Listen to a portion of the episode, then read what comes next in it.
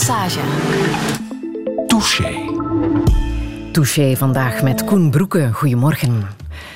Dag Friedel. Ik denk dat ik jou mag omschrijven, professioneel gezien dan, als historicus, kunstenaar, pianist ook, performer, Mag je mag zeggen, dat er ook bij? Maar hoe zou jij jezelf omschrijven? Dit is een puur professionele omschrijving. Ik denk dat je eigenlijk ook aanstuurt om een beetje een intiemer portret. Ja, dat is altijd mijn bedoeling, hè? Het is een fascinerende vraag ook, hè, in de zin van ehm, ook een beetje een valstrik, omdat je eigenlijk terechtkomt bij het ego. En ik denk dat het noodzakelijk is om een beetje zelfkennis te hebben. Dat dat ook makkelijk is in het leven. Maar als je daar weer te veel in verstrikt raakt, dan word je een soort van navelstaarder. Ja. En dat wil ik ook absoluut vermijden. Dus eigenlijk, als je die constructie van het ego hebt en je probeert die op te bouwen, wordt die eigenlijk meteen weer verpulverd door een ander. En dan merk je dat dat ook vaak is door stemmen van buitenaf, door opvoeders, door de diploma's die je hebt gehaald, door het parcours dat je hebt eh, afgelegd, door inderdaad die professionele verdiensten. Maar om dan toch tot de kern te komen, denk ik dat ik iemand ben, echt een fundamenteel onderzoeker. Dus ik, ik ben iemand die heel nieuwsgierig is naar de oorsprong van de dingen, naar de geschiedenis, naar de verbanden. En ik wist eigenlijk ook al heel vroeg, ik denk zo derde studiejaar of zo, dat ik geschiedenis wilde studeren. Ik wilde echt zo kijken, waar zijn we, waar komen we vandaan? Eh, en dat zegt dan natuurlijk ook heel veel over het, het nu en ook waar we naartoe kunnen gaan. De, de mogelijkheden van, van, van de toekomst. En ik heb dan eigenlijk een beroep gekozen waar ik ook dat, dat onderzoeksthema, het onderzoeken, helemaal kan botvieren. Ehm, daarnaast ben ik ook een heel gulzige persoon, gulzig naar schoonheid. Ik, omring me graag met schoonheid en ik kan heel echt intriest worden als die er niet is. Dus ik omring me ook graag met schone mensen, met warme mensen, met lieve mensen. Dus ik hou van, van mensen rond, rond me heen aan, aan tafel.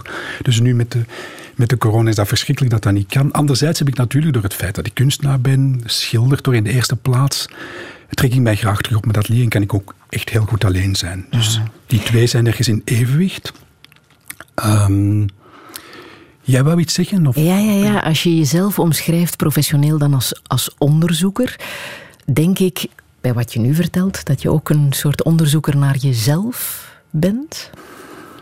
Onrechtstreeks dan. Ik denk dat ik dat altijd zo via een omweg doe. Ik Ja. denk dat ik in mijn onderzoek eigenlijk ja, echt wel het, het, het, eh, altijd het spoor zoek of, of de weg van, van, de, van de omwegen. Ehm, ik kan dat misschien illustreren met...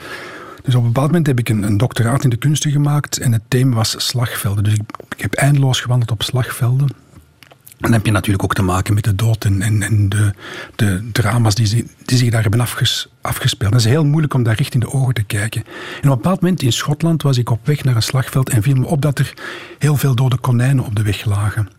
Ik ben die beginnen tekenen en ik had eigenlijk nadien stoffige tentoonstelling met alleen dode konijnen. En toen merkte ik bijvoorbeeld dat Ensor heeft op een bepaald moment zijn dode moeder geschilderd. Maar als je het schilderij bekijkt, het hangt in museum in Oostende, Ja. dan heeft hij eigenlijk al zijn schilderaandacht ehm, gewijd aan de flesjes van de apothekers op de voorgrond. Die heeft, daar heeft hij heel lang moeten aan schilderen. Dat betekent dat hij heel lang bij zijn dode moeder heeft kunnen zitten en die kunnen observeren, maar ook via een omweg. Dus vaak is die omweg een, een snellere manier om tot de kern te geraken dan als je zo absoluut die kern wil, wil, wil doorbreken en, en doorgronden. Iets wat niet is gevallen is ehm, verzamelaar. Ben jij nog altijd zo'n groot verzamelaar? Ja, maar ik ben geen obsessief verzamelaar in de zin van ik, ik heb zo heel veel deelverzamelingen en ik verzamel vaak in functie van een bepaalde een project of een bepaalde opdracht. En nadien verwatert dat dan weer. En kan ik dat ook eigenlijk wel loslaten. Nu, vaak blijft dat dan wel staan in het huis. En ik heb nu helaas ook een groot huis waar heel veel kan blijven staan. Staat daar nog een en ander dat te maken heeft met Paul van Ostaaien? Eh, ja, ja, zeker en vast, zeker en vast. Er is een kleine Paul van Ostaaien verzameling. Nee, niet echt. Ik heb wel, laten we zeggen, is een verzameld werk. Ik heb een aantal, eh, laten we zeggen, secundaire eh, literatuur, maar ik ben geen eh, bibliofiel verzamelaar. Ik heb geen handschriften of zo van Van, van, Ostaaien. Nee, dat, Ik heb dat natuurlijk wel- bewuste handschrift dat is aangekocht door Ja. de Vlaamse regering ligt nu in het Letterenhuis sinds gisteren te bezichtigen. Ik vermoed dat zodra het kan dat jij ook wel eens gaat kijken. Want jij viert trouwens ook mee, hè, het Paul van Daar ga ik zeker na- naar kijken, naar de, naar de hoofdtentoonstelling. Maar ik zit in, ook in een satelliettentoonstelling bij goede vrienden van eh Walden Art Stories, die een mooie kleine tentoonstelling hebben gemaakt met vooral tijdgenoten van Van Ostaaij. Dus zijn, zijn vrienden, wat dan niet altijd vrienden zijn gebleven, zoals de Joost, Joosten of, of de, de gebroeders Jespers. En ik heb daar twee kleine portretjes aan toegevoegd die ik heb gemaakt van Paul van Osta in 2013. Op het moment dat ik met mijn vrienden Koen Peters, Pascal Verbeek en Peter Holvoet Hansen naar Miava ben vertrokken. En Miava, dat moet ik me waarschijnlijk eventjes toch duidelijk maken, dat is de plek waar een kuuroord was, waar Paul van Ostaaien naartoe gegaan is en daar ook is gestorven. Dus hij was al heel erg ziek. Hij is daar eigenlijk heel eenzaam, weg van zijn vrienden, weg van zijn familie, gestorven.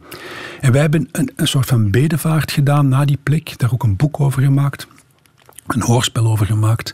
En op weg naar Miavois zijn we dan uitgestapt in Wolsar. Pascal Verbeke wist dat, dat daar een dat die plek eigenlijk ja, bekend was voor zijn oude hotels, oude glorie, wel veel vergane glorie. En ik was meteen weg, ik was verliefd. Dus ik, ik had toen het idee van hier wil ik eigenlijk komen wonen, hier wil ik oud worden. En dat bleek toen familiaal, financieel niet echt mogelijk. Maar kijk, een paar jaar later was dat wel mogelijk. En ik woon nu in Wolsar aan de Maas. Genoeg stof om twee uur te praten, dat is duidelijk. Alleen over Wolsar. ja, hè? Koen Broeke, welkom in Touché. Radio 1. 1. Friedel Lassage. Touché.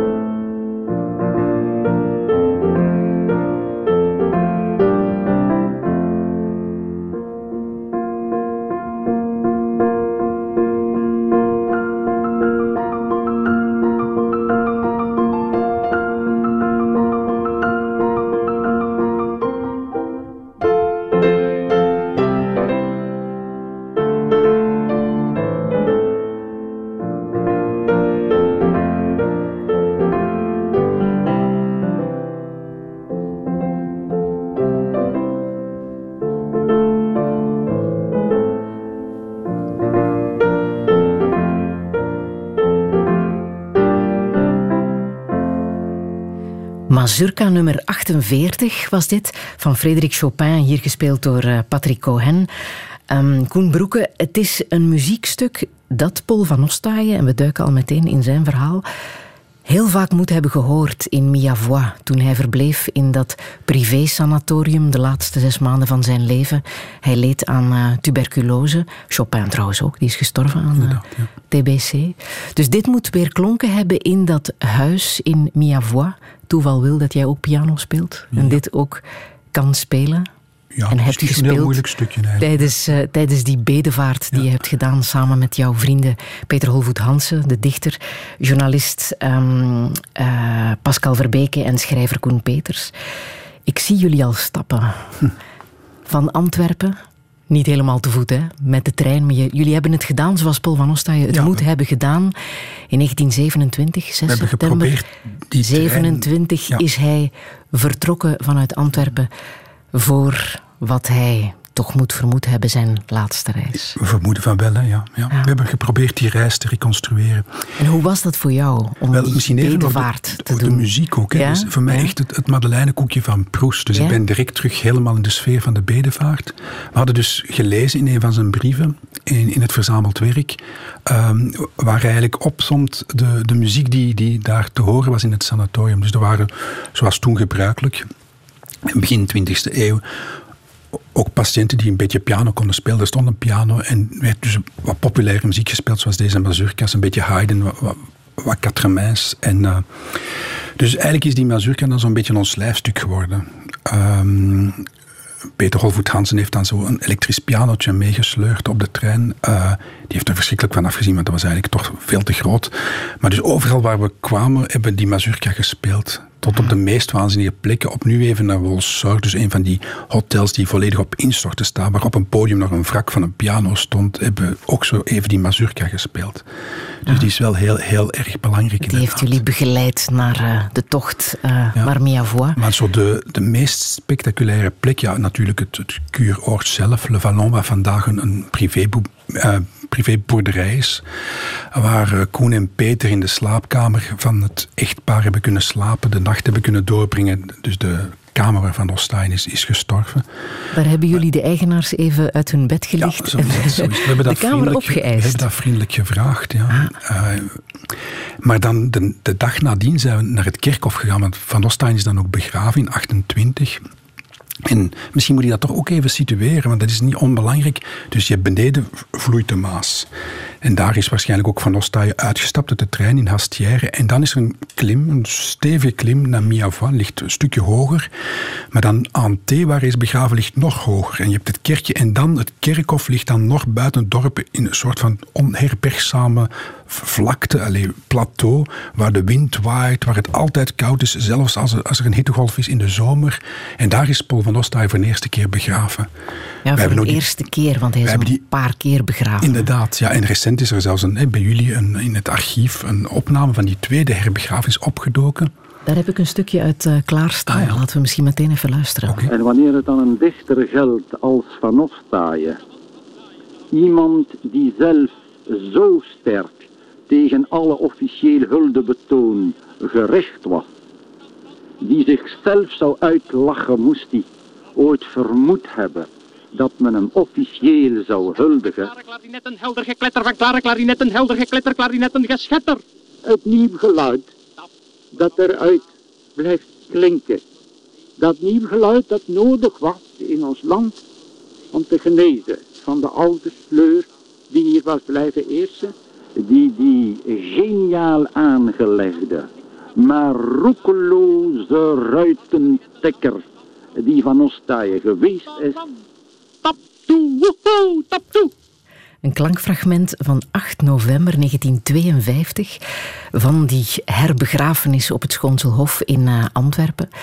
Wat zou Paul van Ostaaien daar zelf van gedacht hebben? De man zegt het zelf. De, is, het Ger Smook? Want ik weet het niet precies wie. Want er zijn een aantal mensen, officiële, die daar hebben gesproken. Maar van Ostaaien lachte met die officiële, met de Hansworsten, de officiële Hansworsten.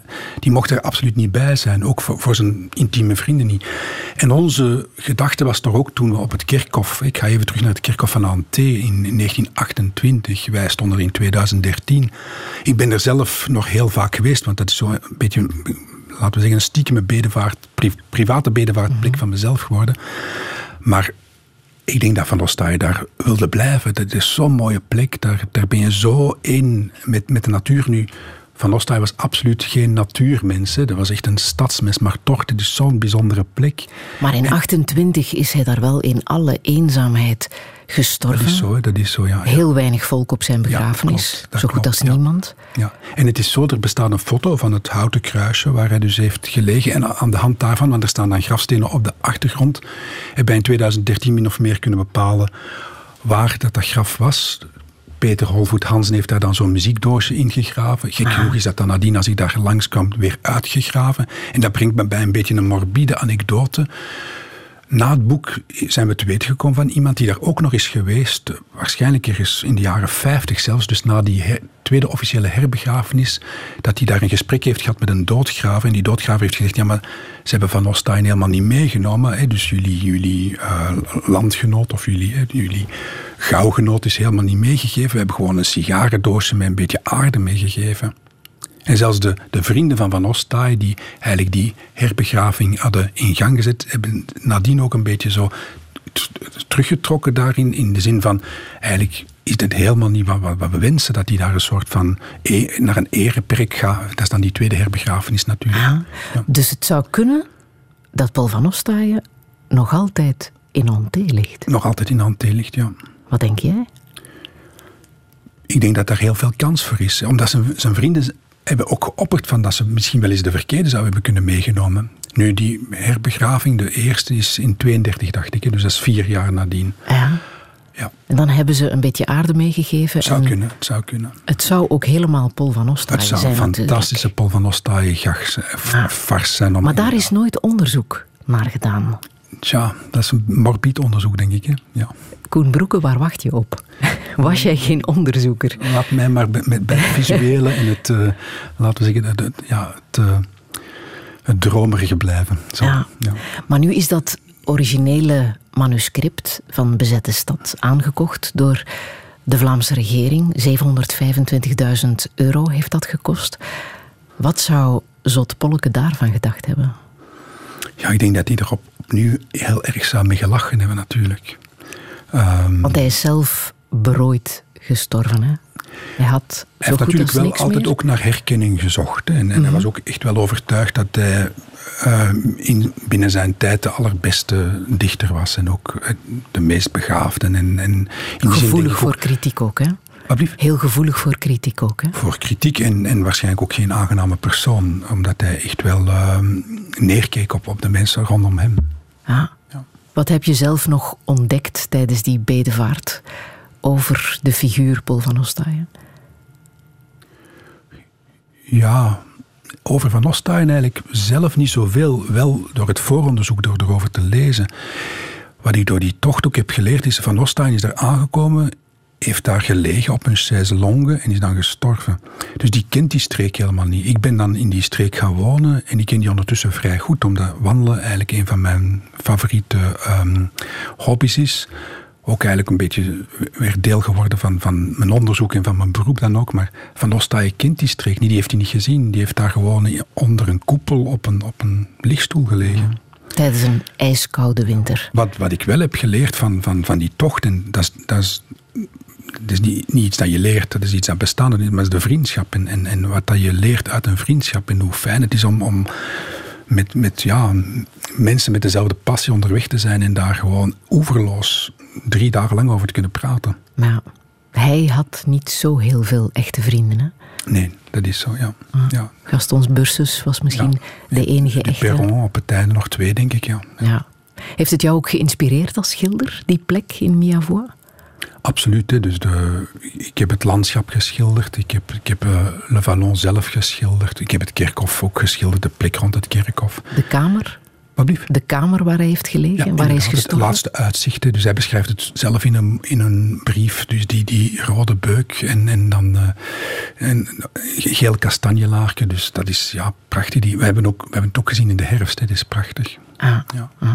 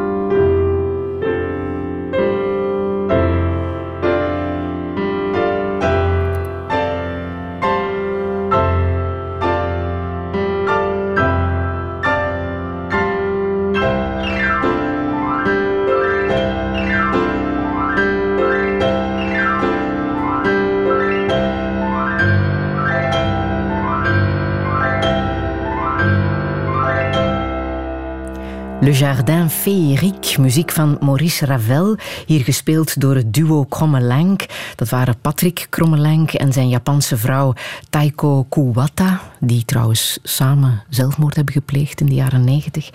Koen Broeke, wat betekent dit stuk muziek voor jou? Ja, heel veel van mij. Dit is een van de mooiste quatremains die ik ken. Dus vierhandig piano. Misschien zelfs een van de allermooiste stukken muziek die ik ken. En dat brengt me terug natuurlijk naar mijn, naar mijn jeugd. Uh, wij hebben allemaal muziek moeten studeren. We waren met vier thuis. Mijn vader is zelf een zeer verdienstelijk uh, pianist. En ik herinner me toen, toen wij eigenlijk jong waren, ik was denk ik één of twee, was hij aan het studeren voor zijn eerste prijs. En dus wij, als wij naar bed gingen, studeerde hij studies van Chopin. En in die zin is de studies van Chopin dus, en, en toonladders zelfs en, en, en, stomme vingeroefeningen is voor mij het, het meest in, intieme gevoel van thuiskomen. Wat ik mij ook herinner als kind, wat ik deed, ik ging, wel eens onder de vleugelpiano zitten en dan hoorde ik en voelde ik ook de zindering van de piano. Ik heb dat trouwens eens een keer op uitnodiging van Björn Schmelzer op het Festival voor Oude Muziek in, uh, in Utrecht herhaald, in een performance met publiek erbij op een uh, historische RR-piano waar ik een sonate van Beethoven heb gespeeld en het publiek heb uitgenodigd om onder de piano ah, te gaan zitten. Dat was ah. heerlijk. Ja. En Nederlanders zijn daar dan ook heel erg exuberant en, en, en laaiend over, over dat soort van acties. Ah. Maar, maar jouw dus vader studeerde voor zijn eerste prijs. Ja, hij is eigenlijk wiskundeleraar. Hè, dus hij heeft, heeft ook een, een, was, was eh, dus master of licentiaat in, in de wiskunde. En heeft dan ook altijd piano gespeeld. En wat wij dan ook heel snel hebben gedaan, is Quatre gespeeld. En dan op een bepaald moment is dat dan ook meer voor gelegenheden geworden, voor feesten of voor begrafenissen. En dan komen we nog eens samen en, oefenen of poetsen we zo wat stukken op. Eh, dat is dan Brahms of, of, voor meer feestelijke gelegenheden waren dat dan zo Spaanse dansen van Moskowski. Ik spreek in de verleden tijd. Mijn vader leeft nog, maar natuurlijk door COVID kan je geen quatremain spelen, kun je niet samenkomen. Dat is echt wel heel, heel erg jammer. Want dat wil ik ook toch zeggen, en dat hoor je ook in het stukje dat we hebben gehoord, dus die glissandi op het einde. Dus ja, die, ja, ja. Die, die, die, vingers die over die toetsen glijden. Dus een quatremain uh, is ook een heel fysiek gebeuren. En je leert eigenlijk dus je, je partner met wie je speelt heel goed kennen. Je hebt met je vader wel veel Catremens ja, gespeeld. Ja, ja. En ik vind het ook fijn als ik iemand leer kennen, iemand nieuw die ook een beetje piano speelt of heel goed piano speelt, dan zal ik heel snel voorstellen om zijn Catremens samen te spelen. Dat een manier is om elkaar te leren kennen die heel snel en is en heel, laten we zeggen, heel, heel ja, intens is. Zo. Ja. Je zit heel dicht bij elkaar en er zijn zo quatremains geschreven, waar dus de, de handen over elkaar gaan en in elkaar verstrengeld geraken. Dat was natuurlijk ook de tijd dat, dat, dat dan zo de pianoleraar eigenlijk muziek had om de, de, de, leerlingen te versieren eigenlijk. En heel eigenlijk op een soort van officiële, toegelaten manier heel dichtbij te komen. Ah. Ja. Het lijkt um, uh, een beetje contradictorisch, hè? de wiskundeleraar die uh, piano speelt? Of, of nee, was dat is dat absoluut niet contradictorisch. En het schijnt dat dat ook heel erg vaak samengaat. Dus wiskunde en, en uh, muziek. Ja. ja. En, en muziek is ook... Heel veel muziek zijn, is ook constructie en is ook vaak heel mathematisch uh, ingewikkelde constructie. Ja. Was er meer dan muziek alleen als het gaat over ja, er was ook, culturele inspiratie Er was bij ook veel thuis? kunst. Hè. Er gingen reproducties, er was geen, geen echte kunst. Dus dat, um, dat heb ik later dan zelf ingevuld. Maar Ja. er waren heel veel kunstboeken. En het was een soort van opvoeding waar dat ook echt wel voorzien werd. Zo'n soort van basisbibliotheek. Er was een, een encyclopedie over, de, over het dierenrijk. Er was een encyclopedie over de grote schilders. Er was uiteraard een Encyclopedia Britannica. Ehm, en dan ja, veel boeken. Minder literatuur. Het was ook een, een rijke eh, collectie platen, eh, LP's. Ook bijna allemaal klassieke muziek. En dan natuurlijk de partituren. Een gigantische bibliotheek partituren. Ja. En in hoeverre was dat ook de passie van jouw moeder?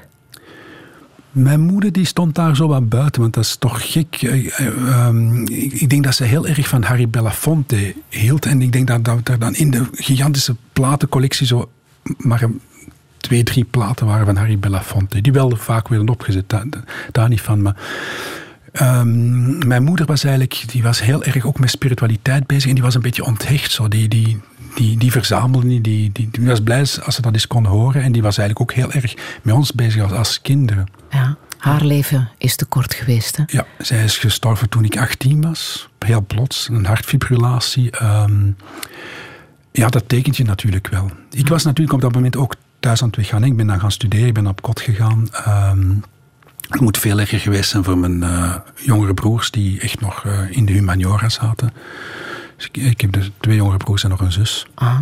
Ja. En wat weet je nog van het moment dat jou dat werd Ja, dat is een heel bizar moment. Ik had een vriendin, ik ben die avond weggegaan, ik ging bij die vriendin blijven slapen. Um, dus dat zijn ook momenten dat je geen afscheid neemt. Zo, hè. Dus je gaat een, een avond weg. En uh, ik was dus bij haar en ja, ik ben ook een beetje een zot af en toe. Dus, eh, en, en zeker in die tijd zo. En dus ik, eigenlijk voordat we gingen gaan slapen, ik denk zij was nog naar de badkamer, als ik naast het bed ga liggen, was ik zo een dode manneken aan het spelen. Om haar eens goed te doen verschieten. En zij komt die kamer binnen, verschiet zich een ongeluk. We lachen dan natuurlijk alles weg als, als, als, ik uh, ophoud met, met, met de comedie te spelen en direct daarna komt er een telefoon binnen. Mijn vader die zegt, ja, je moet naar huis komen. Ik zeg, waarom? Hij begint te huilen. Ik zeg, ja, wat is er? Wat is er, papa? En hij, hij, legt dan uit dat dus mijn, mijn moeder is overleden. En dat ik zou opgehaald worden door een onkel. Een onkel waar ik heel erg naar opkeek, want uh, een bibliofiel, ook een man, een, een ex-para, ex-kok, die van alles heeft meegemaakt, met heel fijne gesprekken heeft gehad, die mij ook heel erg heeft gesteund, zo in die allereerste jaren dat ik heb gekozen om schilder te worden. Dus die onkel ging mij komen halen met de auto. En die heeft mij toen eigenlijk een van de meest domme dingen gezegd die ik in mijn leven te horen heb gekregen. Dus toen ik uh, werd afgehaald, heeft hij gezegd van Koen, jij bent oudste, jij moet je sterk houden voor je papa. En ik heb die raad natuurlijk heel erg opgevolgd. Ik was vier dat die onkel mij daar toen vroeg. Dat betekent dat die tranen die ik had moeten laten vloeien op, laten we zeggen, een paar dagen tijd, een paar weken tijd, dat die jarenlang hebben gevloeid. En waar ik met name heel veel problemen heb gekregen, zo die eerste jaren vooral, dat was mijn soort van claustrofobie. En ik had ook schrik, dus ik had met mijn moeder meegemaakt een soort van uh, totaal onverwachte dood bij een gezond iemand. Dus het is geen hartaanval, dus, want ze was in perfecte gezondheid. Dat mij dat ook kon overkomen. Dus ik kon niet meer in een, in een gesloten ruimte zitten met veel mensen. Het was een kwelling, want ik was aan het studeren. Ik, ik zat pas op de universiteit. Ik moest in grote aulas zitten, uh, met grote groepen. Dus ik ging dan ook altijd van achter zitten, dicht bij de uitgang. En uh, ik heb dat tot, tot op vandaag. Dus als, als ik naar een concert ga of naar een voorstelling, dan zal ik altijd nog uh, rekening houden met de uitgang. Mm Dus ik heb dat wel leren uh, mee omgaan. Ik ben ook, want ik dacht dus dat ik zwaar ziek was, hè, dat ik elke moment ook zoiets kon krijgen. En ik, ik, ik begin dan ook van alles in te beelden. En ja, die, die huisarts heeft gezegd: meneer, u bent een hypochonder. En dan begin je dat op te zoeken en dan, dan kun je daar inderdaad wel uh, mee, mee, mee, aan de slag gaan, natuurlijk. Mhm. Is zij er nog voor jou op een of andere natuurlijk, manier? Natuurlijk, ja. ja. Mhm. En dat is dan natuurlijk het vreemde van, van dit soort van situaties, dat je uit al je verlies in je leven ook weer leert. En, en, en dus een van de zaken die, ja, die ik weet, zij is er natuurlijk. Ja, ja, ja. En je hebt ze ook geschilderd, hè? Ik heb ze recent geschilderd voor een tentoonstelling met vrouwenportretten. Ja. En dat kon ik eigenlijk pas nu. ja, ik ben we zijn ondertussen ja, 40 jaar verder en ik kan, nu, nu pas kon ik het. Ja. ja en geschilderd vanuit jouw geheugen? Nee, nee, ik heb wel een fotootje gebruikt. Maar ja, zo, dat is eigenlijk dan toch maar een aanleiding. Want zo'n portretschilder, dat is iets heel bizar. Dat is, je brengt de mensen echt terug tot leven. Dus in die vloeibare verf. Dus die ontstaat die persoon als het ware opnieuw. Mhm. Ik heb iets gelijkaardigs meegemaakt met, met mijn vader eigenlijk. In 2005 ben ik vertrokken op residentie naar Parijs. In de Cité Internationale des Arts. En ik had kort daarvoor een paar filmpjes gemaakt van mijn vader aan de piano. En ik ben daar, op basis daarvan, ben ik dan in Parijs portretten beginnen schilderen. Uh, en dat was heel vreemd. Dat was echt alsof hij er was. Zo, ik voelde zijn aanwezigheid. Dat was heel, heel bizar. Mm. Ja.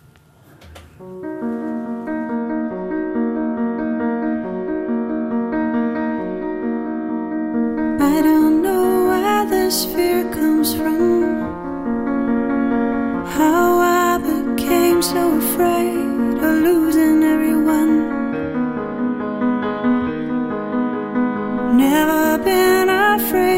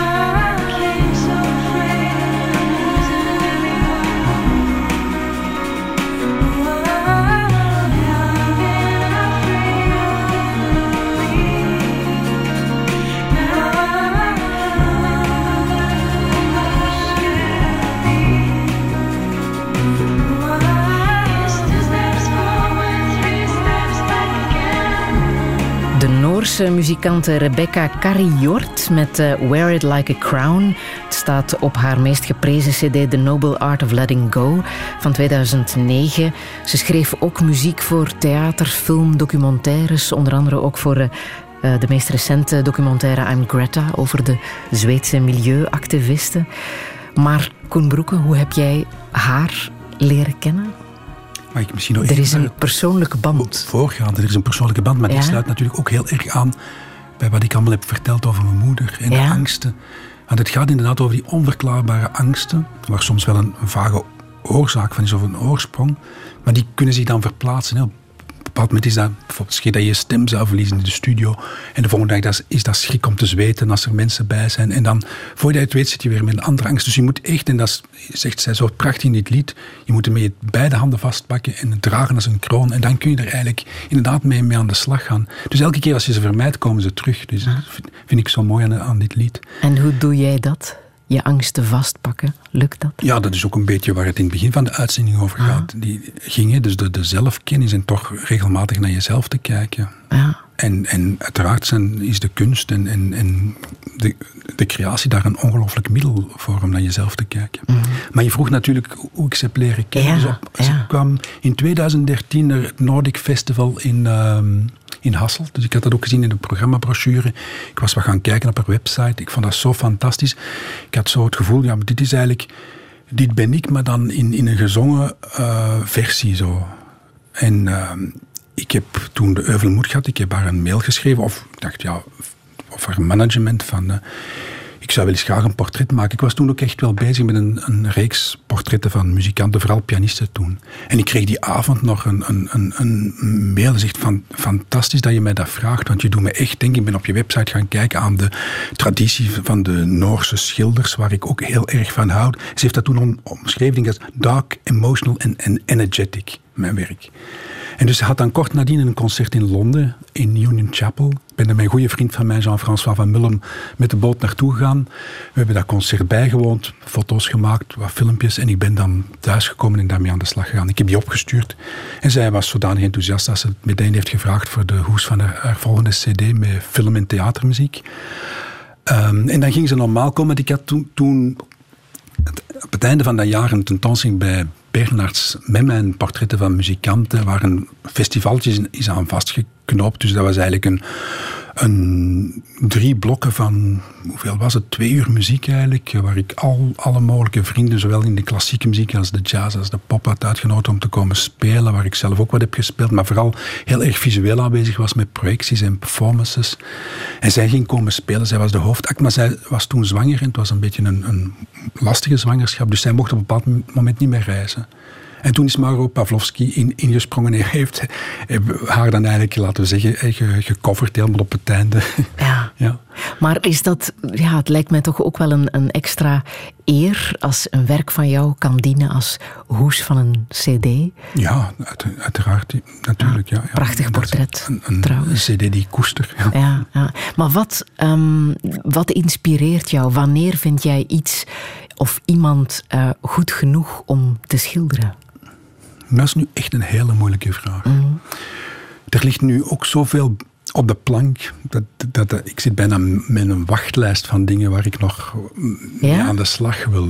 Um, en, maar dat is heel gek. Ja, nu ook de, de plek waar ik woon, Walsau, inspireert mij uitermate. En de wandeling gaan hoe langer hoe verder. Dus de, de, tot de Hermeton, tot, tot Givet, tot, tot Anserem, uh, um, Dinant.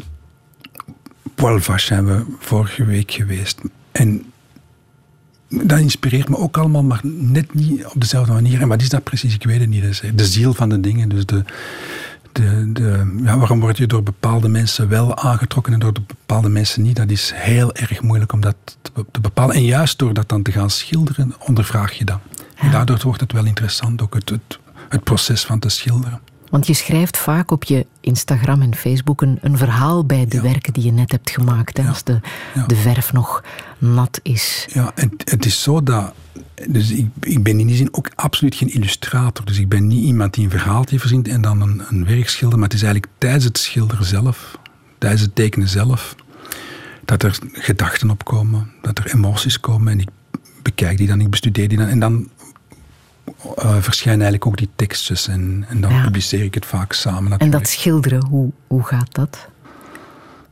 Schilderen is voor mij ook wel echt routine. Dus uh, een beetje zoals piano studeren, dat je toch zo een paar uur per dag ideaal zou, zou moeten kunnen doen. Uh, schilderen dan piano spelen net iets minder. Ik ben, ben geen, ik ben geen concertpianiste, want anders moet dat ook wel.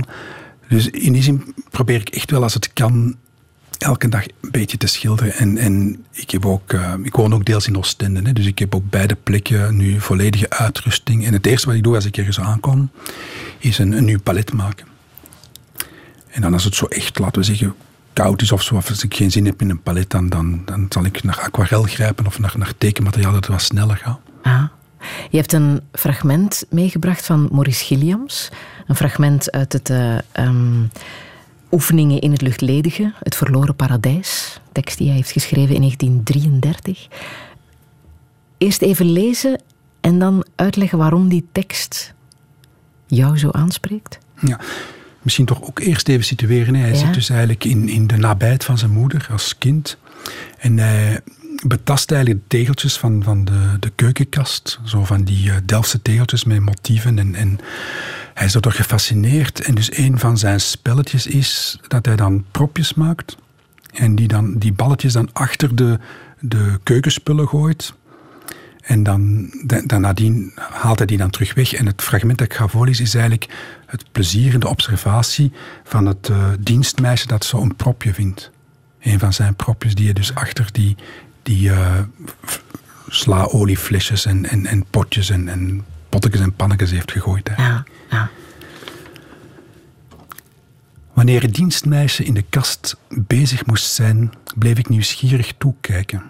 Uit een kan, uit een pot haalde zij onverwachts het balletje tevoorschijn. Door mijn eigen handen was het ineengefrommeld, geplet en afgrond geworden. En welk een geheim verkenner van het onbekende was dit simpel propje papier, waar niemand de schelmse medeplichtigheid van vermoeden kon, wanneer ik het gebruikte om er de ontoegankelijkste verborgenheden mede te peilen. Hele nachten kon het liggen luisteren naar het verschuiven van een deksel, naar een kleine krielende spin of trippelende muizenpootjes. Voorzichtig prutste ik er aan om het zonder beschadiging open te doen. Ik pardon, ik herkende weer dadelijk het mysterievolle teken dat ik er met potlood opgeschreven had. Binnen de donkere uren dat ik boven in mijn bed warm te slapen lag, was het briefje naar de krakende meubels blijven luisteren.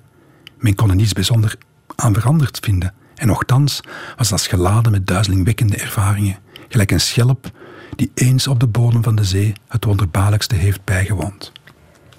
Zo detailistisch, zoveel fantasie. Ja, maar wat voor mij hier vooral ook in, in aanspreekt, is dus het, het, leven van de dingen. De dingen leven. De dingen die door mensen zijn gebruikt worden. En vooral ook de dingen die uh, bestaan uit organisch materiaal. Dus ik ben ervan overtuigd dat dus in hout, in papier, in, um, dat daar informatie in opgestapeld ligt. En ik, ik heb dat eigenlijk ook voor een stuk ontwikkeld in mijn doctoraat in de kunst. Ik ben dat dan de draagsporen van de geschiedenis gaan noemen. En dus ik, op een bepaald moment heb ik ook zo'n interesse gekregen, eigenlijk de objecten op zichzelf. Ik heb natuurlijk al gezegd dat ik geïnteresseerd ben in, in mooie objecten, in kunstobjecten, maar zijn me dan minder gaan interesseren, maar vooral zo de, de draagsporen, dus waar, waar je kan aflezen wat er allemaal met dat object is gebeurd. En eigenlijk de aha-erlevenis was toen ik in uh, 2015 een tentoonstelling heb gemaakt van de, voor de Koninklijke Bibliotheek in, in Brussel over de slag uh, bij Waterloo, 200 jaar slag bij Waterloo. En ik ben toen uh, de uniformen gaan bestuderen die gedragen zijn tijdens de slag, dus 200 jaar vroeger, in het Legermuseum in, in Brussel. Waar draagsporen op te ja, zien zijn natuurlijk. Dus, die waren ook voor een stuk in restauratie, waardoor ze ook toegankelijker waren. Dus ik had die stukken ook nooit gezien buiten een vitrinekast. En dus op een bepaald moment kom ik de, dat atelier binnen, waar, waar die stukken lagen in grote zuurvrije kartonnen dozen. En dus de restauratrice plooit zo'n vest open met van die witte katoenen handschoentjes. En er ging een wereld voor mij open. Dus die vest die, die was 200 jaar eigenlijk niet uit die doos geweest. En die binnenkant was eigenlijk, laten we zeggen, een, een, een patchwork van herstellingen, verstellingen, loshangende draadjes, nog sporen van kruid, van zweet, van, van, van leven gewoon. Het was alsof, alsof die persoon daar eigenlijk terug uitsprong. Zo. Dat die, ja, ja.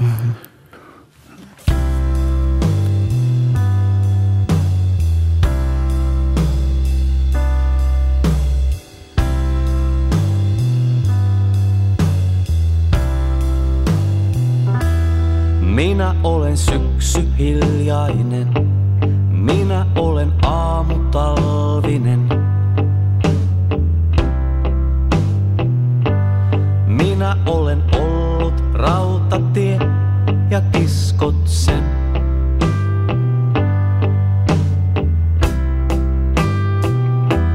Minä olen puita metsässä, minä olen kanto.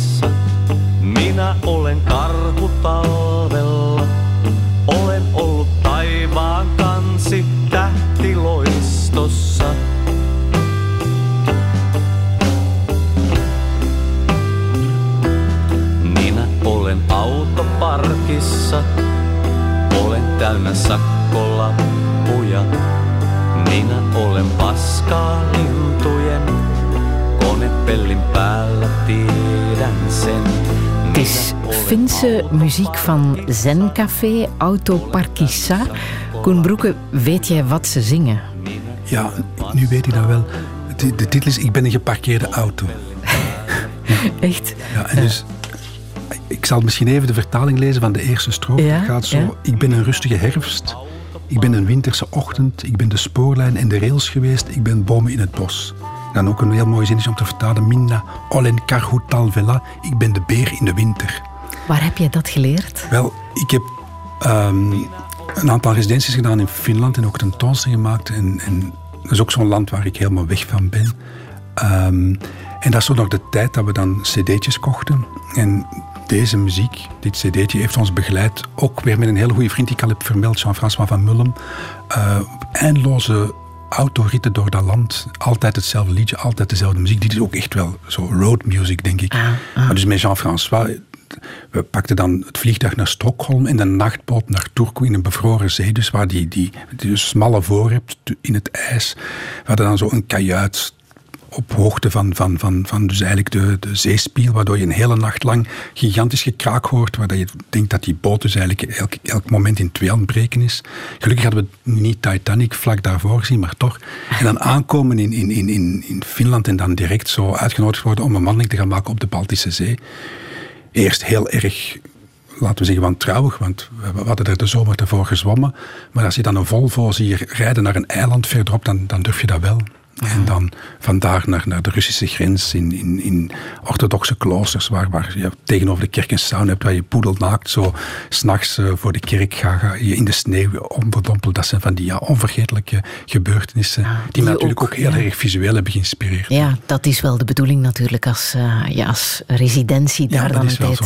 Ja. verblijft. Ik was dan ook, eh, maar dat is natuurlijk ook, ook iets dat terugkomt in, in, in mijn werk, heel erg gefascineerd door de, de Finse nationale componist eh, Jean Sibelius. We zijn eigenlijk ook in zijn sporen eigenlijk zo naar alle plekken gegaan die voor hem belangrijk was. En een van de meest fantastische plekken is de berg Koli, waar voor de Finnen een, een, eh, een, een heilige berg is. Dus een aantal symfonieën van, van, van eh, Sibelius gaan ook echt over die berg. En is dat voelbaar, zichtbaar, Ja, dat, dat is die muziek die- past? die pasta, die je hoort. Nu, ja, we hadden die dan ook gewoon bij, zo op een... eh, met, met de hoofdtelefoon.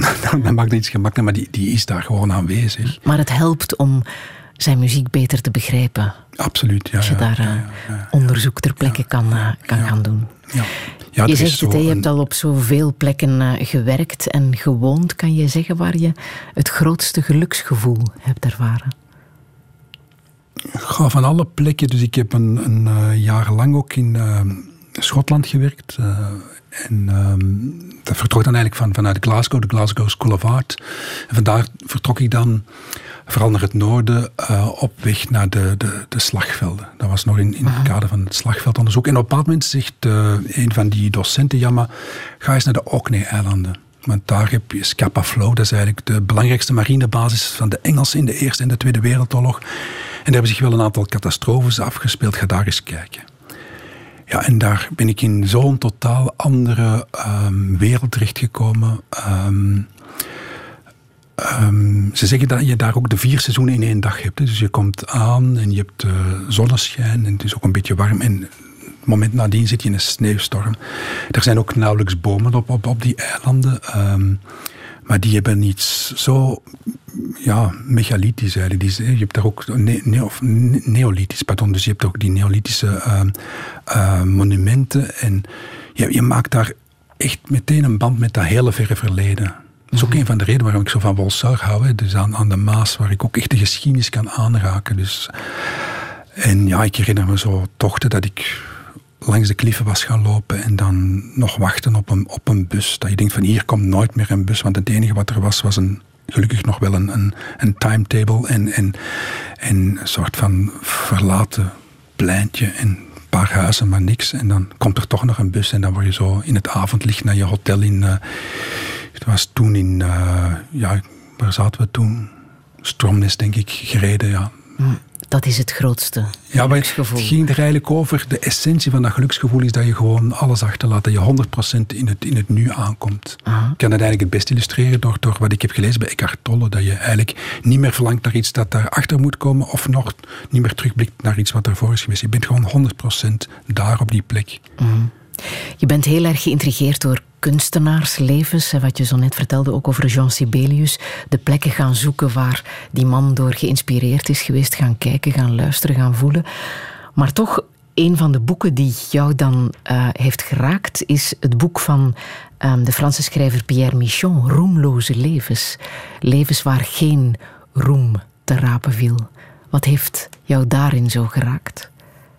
Ja, op, opnieuw die zintuigelijke ehm, interesse voor, voor toch ook die plekken en die ehm, eigenlijk eh, roemloze levens natuurlijk. Levi minuscule gaat inderdaad over kleine levens, maar Michon heeft daarnaast een aantal, aantal boeken geschreven over bijvoorbeeld de postbode, die vriend was van eh, ehm, Vincent van Gogh. Of hij heeft ook een boek geschreven over Rimbaud, maar ook altijd via die, die omweg. Via eigenlijk kleine, onbeduidende personen in die omgeving. En ik kan, ik kan die mensen zo aanraken door juist die interesse, zintuigelijke interesse voor kleine details, voor kleine onbeduidende dingen, waardoor dat die plots tot leven komen. Ja. En toch 100% my- mysterie blijven. Van Gogh blijft een mysterie. Rimbaud blijft een mysterie. Ah. En Michon heeft ook wel wat geworsteld met Absoluut. zijn eigen roemloze leven. Absoluut, ja. Ja. Tot hij dan toch de roem kreeg waar hij zo naar verlangde. Inderdaad. Ik heb nog La Javanaise, Serge Gainsbourg. Ook een roemrijk leven dat jou eh, intrigeert. ja. Ja, ehm, ik vind dat een fascinerende figuur. Misschien in de eerste plaats ook omdat hij eigenlijk aanvankelijk schilder wilde worden. Dus hij had eigenlijk de twee talenten. Dus, en op een bepaald moment komt hij tot de conclusie dat hij als schilder niet oorspronkelijk genoeg is. Dus hij heeft ook een stukje academie gedaan. Hij heeft een, eigenlijk een klein uiver bij elkaar geschilderd. En hij besluit dat dan eigenlijk allemaal op te stoken en dan muzikant te worden. Er was natuurlijk ook een soort van eh, tegenstelling gekomen eh, tussen, laten we zeggen, zijn leven als baarpianist, wat zich s'avonds afspeelde, en dan de uren die hij nodig had, daglicht, om te kunnen schilderen. Dus dat, daar was een soort van concurrentie gekomen. En dan gaat hij toch, eh, kiest hij voor de muziek en komt hij Boris Vian tegen. En, en wordt hij natuurlijk de man die, die we kennen en de man die La Javanaise schrijft. Ja, en dat Juliette Gréco ook prachtig heeft gezongen.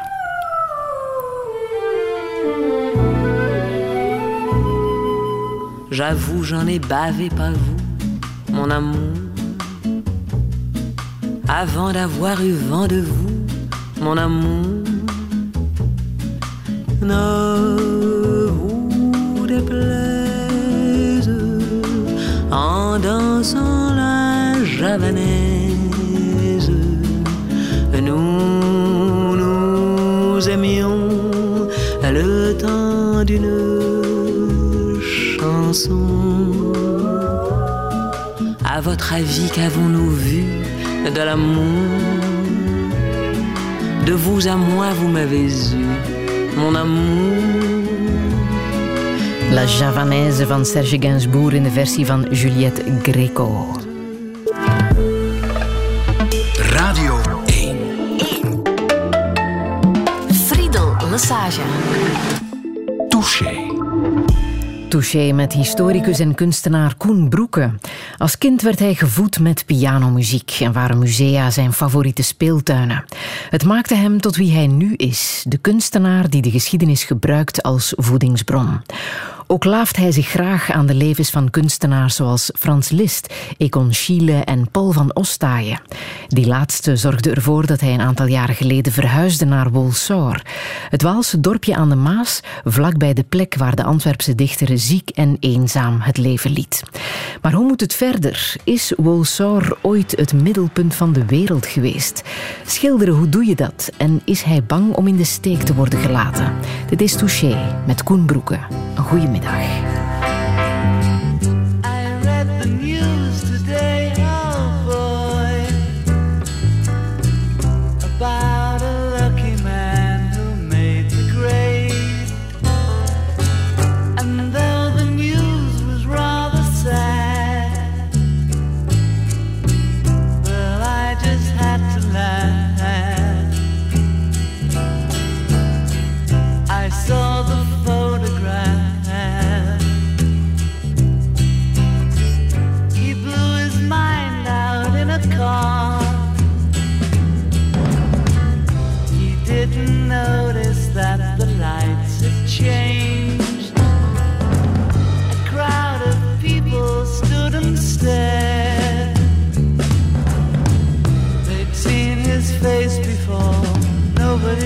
Really sure he was from the house of law. I saw a film today, oh boy.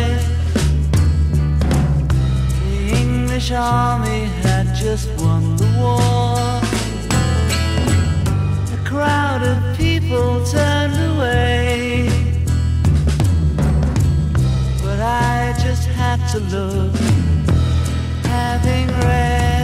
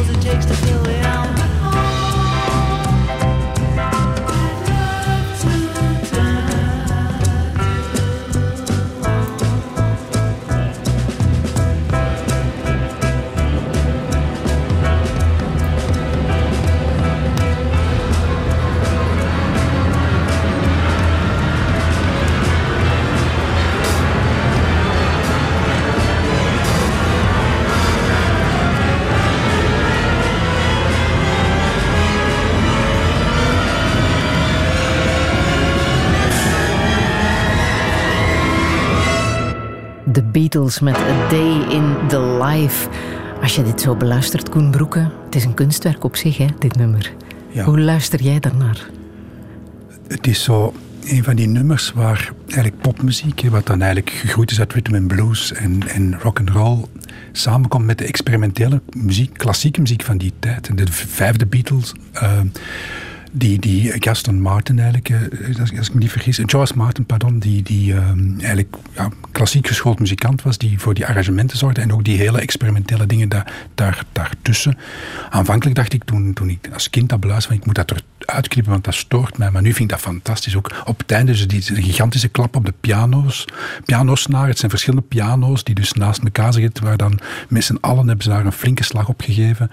En dan krijg je die nagalm en dan heb je op het einde, daar bestaan dan allerlei maffe verhalen over, krijg je nog een fluittoon van zoveel een bepaalde frequentie die je eigenlijk niet meer hoort. En dan als die naald in de groep blijft, krijg je ook iets achterwaarts waar dan blijkbaar zo geheime boodschappen zouden in zitten. Dus het is eindeloos.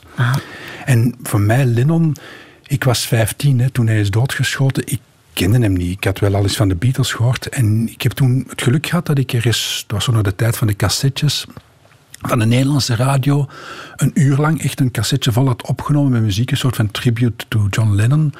Ehm, en achteraf bleek dat dat ook echt allemaal natuurlijk Beatle-nummers waren, maar allemaal Lennon-nummers. En ik had daardoor ook heel snel eigenlijk een soort van richtingwijzers van de Beatles. Daar staat dan wel meestal onder eh, Paul McCartney, John Lennon. Maar je kan eigenlijk door degene die zingt en dan ook vaak door de arrangementen kun je eigenlijk wel horen wie aan de basis ligt van de compositie. En hier ligt, heb je de twee. Hebt het middendeel is natuurlijk Paul McCartney, maar dus het eh, begin en het einde is, is, is John Lennon. En ik denk daar ook, ehm, ja, ik was zo gefascineerd door die persoon en daar ligt ook al direct zo die zin tot onderzoek. Want ik ben toen beginnen lezen en, en opzoeken. Ik wilde alles over over die man weten.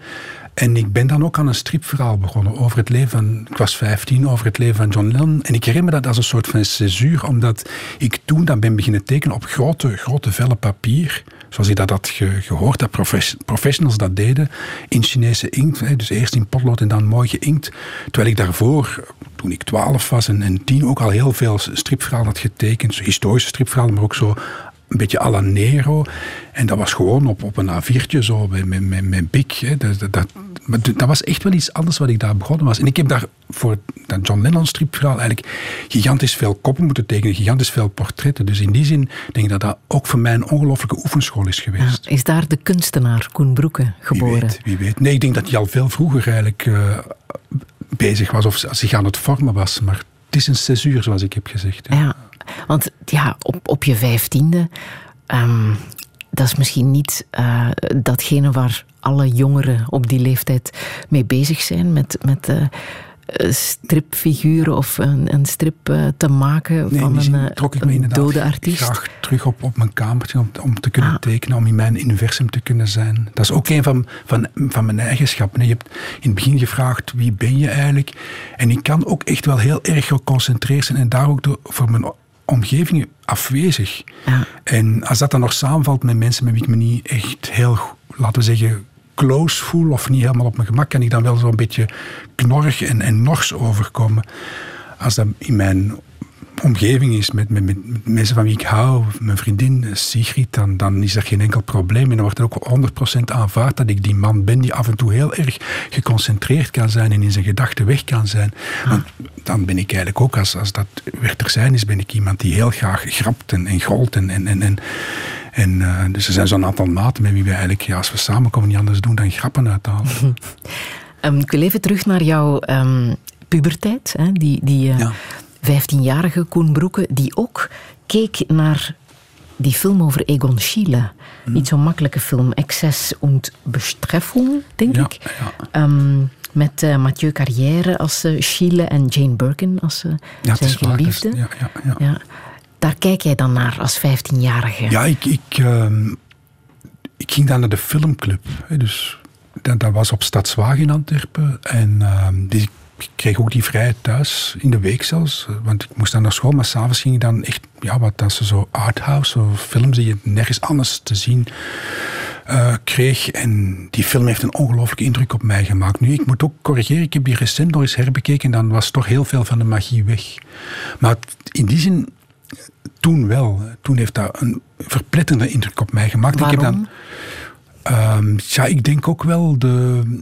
eh, En wat je natuurlijk heel vaak in kunstenaarsbiografieën tegenkomt, is ook een soort van tegenwerking. Dus op een bepaald moment komt hij dan in de gevangenis en terecht. eh, en dan Omdat ook, hij jonge naaktmodellen en dan- uitnodigt en, en dan ook zijn, het zijn tragisch einde, wat ook heel dicht aanleunt bij, bij, bij de tijd waar we nu in leven. Hè. Dus de Spaanse griep, waar dan eerst zijn, zijn jonge geliefde eh, aan sterft en dan kort nadien hij zelf. Wat wel ongelooflijk eh, indringend in beeld is gebracht in die film. En ik ben dan kort daarna, ik weet niet hoeveel jaren daartussen zit, of maanden, maar naar een Europalia tentoonstelling gaan kijken. Toen was het Europalia Oostenrijk, met tekeningen van Chile in Charleroi was dat toen. Ja, ik was totaal weg. En, en ik ben dat ook beginnen natekenen. Ik ben dat ook beginnen ge- gebruiken. En ik herinner me toen ik op de academie begon. eh, ik denk het eerste jaar was er zo'n tekenleraar, eh, Ludo Lens, en die kwam achter mij staan en die zei, maar hoe doe jij dat, Koen, uw, uw, lijn, uw lijnvoering, hoe maakte jij die zo levendig? En ik zeg, ja, ik, gewoon, ik, ik ga met mijn hand over dat papier en, en de rest gaat vanzelf. En ik heb toen ook beseft van waarschijnlijk nog zo veel en, en zo aandachtig te kijken naar, naar die voorbeelden, dat dat eigenlijk ja, daar vanzelf eigenlijk is ingesloten. Wanneer ben je een goede kunstenaar? Ik denk het belangrijkste is, is als kunstenaar is, ja, is die lijnvoering. Hè, als beeldende kunstenaar, als tekenaar. En dat gaat over gevoeligheid. Dat gaat niet over, over virtuositeit. Dat gaat eigenlijk ook niet echt over de verhaal die je kunt vertellen. Of spectaculaire verhalen. Of, of commerciële successen. Maar dat gaat over gevoeligheid. En dat is terug dezelfde gevoeligheid van Maurice Gilliams. Voor de dingen. Voor de, voor de taal van de dingen. En uiteraard ook voor de taal van de mensen rondom je heen. En, en je hebt mensen die een heel leven lang blind blijven voor de mensen die rond zich leven. En, en je hebt er anderen die alles observeren. Hè. Dus super allee, overgevoelig zijn, wat dan natuurlijk ook een, een, een in hun nadeel kan werken. Je noemt Cy Twombly als een van jouw favoriete, meest inspirerende Ja, bij hem kunstenaars. heb je dat zeker gezien. Hè. En, en, en die, die dan ook teruggaan eigenlijk naar, naar de, de tekening als, als kind. Picasso's even er eigenlijk al over. Je moet terug kunnen eigenlijk, met alles wat we weten, maar, maar terug kunnen tekenen of terug kunnen, kunnen creëren als een kind. Cy Wat hij doet, hè, dat is... Cy Twombly doet dat als de beste. En dat was ook... Want er was toen een vriend aan de VUB, die maakte een, een eh, thesis over Twombly. Dus ik had via hem zijn, zijn adres. En dat is ook de tijd. Ik heb dan een ehm, zevental maanden in Rome gezeten. En dus ja, ik ben toen ook naar Twombly gestapt. ehm, want ik wist hem wonen via Montserrat. is daar geëindigd, hè? in Rome. Ja, ja. en ehm, ja, ik, ik, ik, had, ik geloofde toen ook, want ja, dat was zo ook het prille beginnen, dus ik wilde toen kunstenaar worden. Ik had dan mijn studies ges- geschiedenis af, afge, afgerond. Ik ben dan een burgerdienst gaan doen. Tijdens die burgerdienst ben ik dan beginnen tekenen op de, op de academie. En na de burgerdienst heb ik beslist van, ik word kunstenaar. En dat was een heel moeilijke keuze, van wordt het muziek of wordt het, wordt het tekenen. En dan heb ik eigenlijk voor tekenen gekozen, omdat ik het gevoel had, hier moet ik eigenlijk niet meer aan studeren, dat gaat vanzelf. Ik wist wel dat ik nog een hele grote weg moest afleggen, maar als muzikant, en ik had toen denk ik ook nog zo de, de ambitie om concertpianist te worden of zo, dan wist ik dat dat heel veel studeren was. En dan heb ik dan eigenlijk, ben dan niet naar het conservatorium gegaan, maar ik ben dan op de academie gebleven, nadien Nationaal Hoger Instituut en zo in Rome terechtgekomen. En toen, in die periode, geloofde ik echt dat je als kunstenaar, en het gaat ook terug over die aanraking waar ik het al heb over gehad, eh, de aanraking van de geschiedenis van de voorwerpen, maar ook de aanraking van een kunsttraditie. Ik dacht echt van, je moet bij wijze van spreken Ingres kunnen aanraken of Delacroix. En dat doe je via een andere grote meester. Dus ik wou ook even Twombly aanraken. Is dat gelukt? Nee, het is niet gelukt, want ik heb daarna gebeld en er was een conciërge die zei eh, van ja, hij is hier wel vaak, maar hij zit even goed eh, daar in de buurt van Napels. En, eh, maar ik heb ondertussen wel via, via een Romeinse vriend contact, maar het is nog niet gelukt om hem te zien met de zoon van, van dus Alessandro Twombly. Dus als ik Ah. nu, helaas kun ik niet reizen, maar terug ga naar Rome, ligt dat wel in het vooruitzicht. En kan ik misschien het atelier bezoeken.